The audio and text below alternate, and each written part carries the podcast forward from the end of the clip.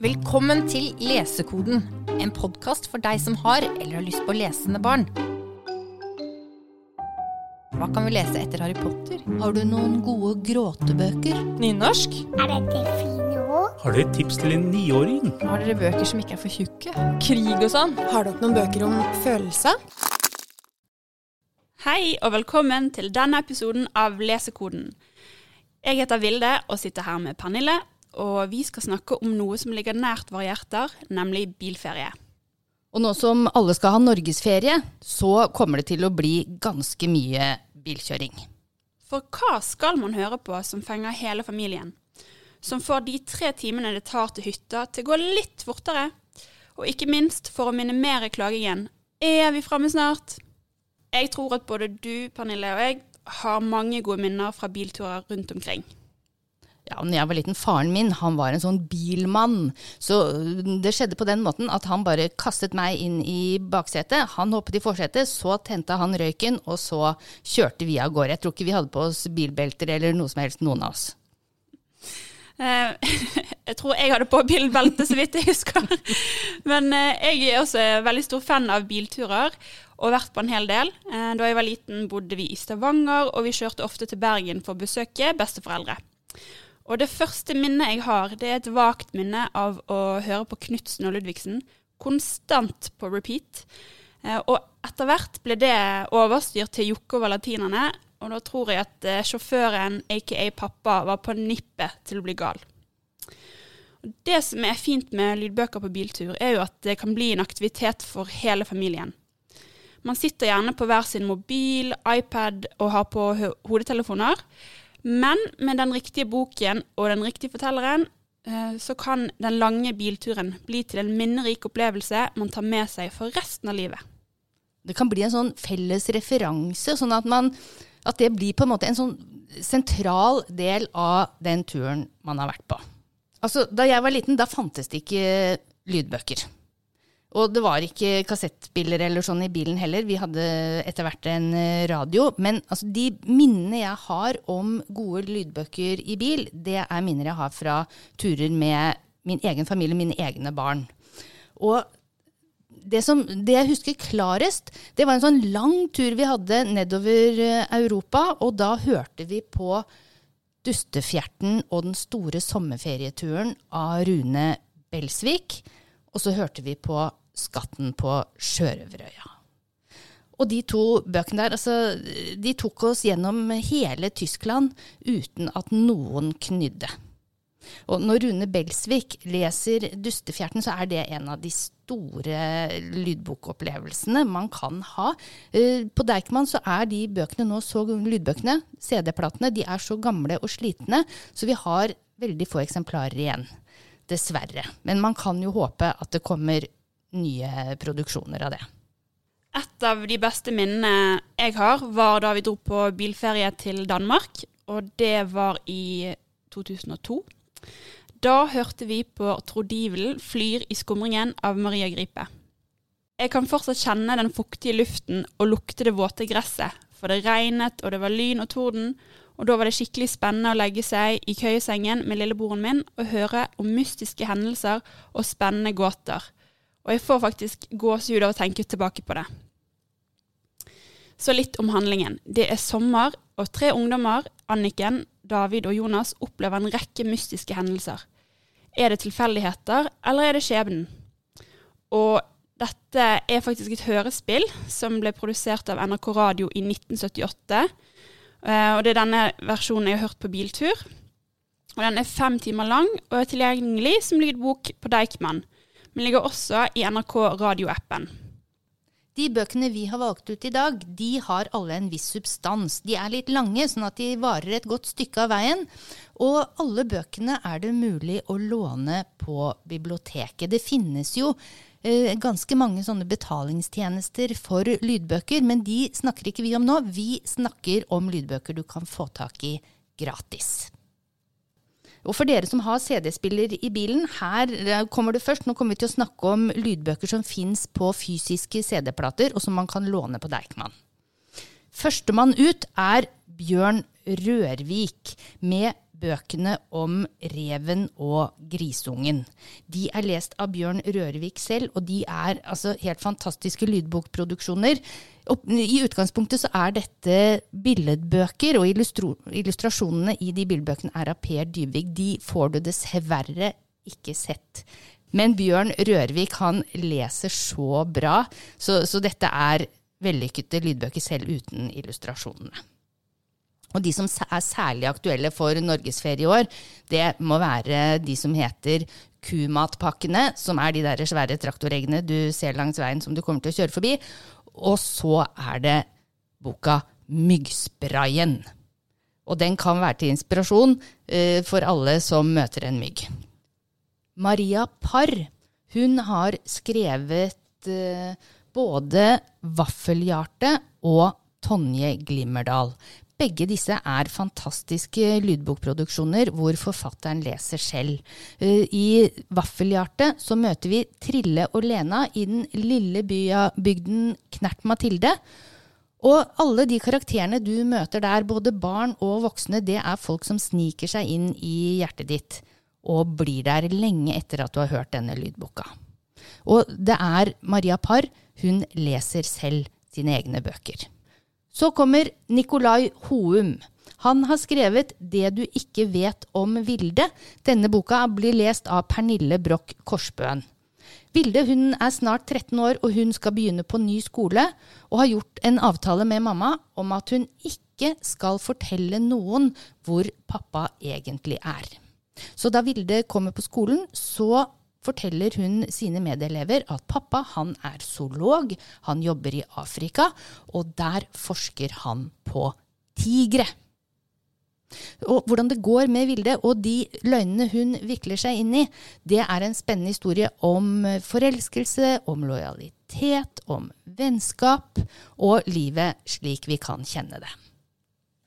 På et eller annet tidspunkt så kommer dere til å begynne å krangle. Og dere kommer til å bli lei av å høre på lydbok, og dere blir ikke enige om hvilken lydbok dere skal høre på nå. Da kan jeg anbefale en runde med Mitt skip er lastet med. Og når du har tatt alle rundene på alle bokstaver, hvert familiemedlem må si en by på A, en by på B, og etter hvert eh, en middagsrett på alle bokstaver, og frukt på alle bokstaver, og når du har avsluttet med å ta fotballspillere på alle bokstaver, da er du klar for en ny lydbok, og da lover jeg, da kommer ingen til å krangle særlig mye om hva dere skal høre på, og da kan jeg anbefale Susanne Collins, Gregor i Underlandet, lest av Kristoffer Staib. Mm, Susanne Collins hun har også skrevet eh, de bøkene som heter Dødslekene, som er framtidsdystopier eh, for ungdom. Eh, Gregor i Underlandet den går litt lenger ned i alder. Den kan lyttes til av yngre folk. Gregor han bor i New York sammen med moren sin og lillesøsteren, og faren hans forsvant for lenge siden. Ingen aner hvor han er. En dag så er Gregor nede i vaskekjelleren i den der skyskraperen de bor, sammen med lillesøsteren sin. Hun er bare en bitte liten jente som eh, går rundt i slagstøvlene sine hele tiden fordi hun elsker dem, så hun blir kalt for Boots.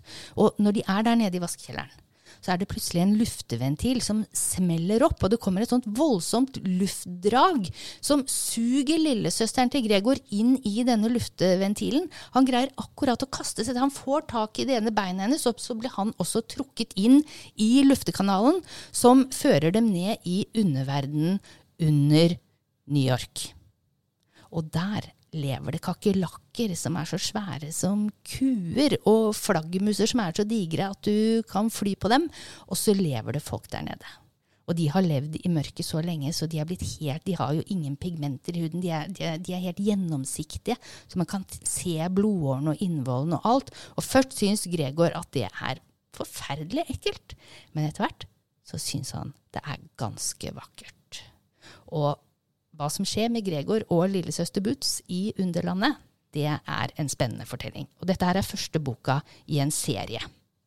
En eh, annen lydbok som sitter igjen hos meg, er 'Markus og Diana lyset fra Sirius' av Klaus Hagerup. Det er en morsom historie hvor Markus på 13 år er ganske sjenert og en veldig redd type, med en spesiell hobby. Han samler nemlig på autografer fra kjendiser.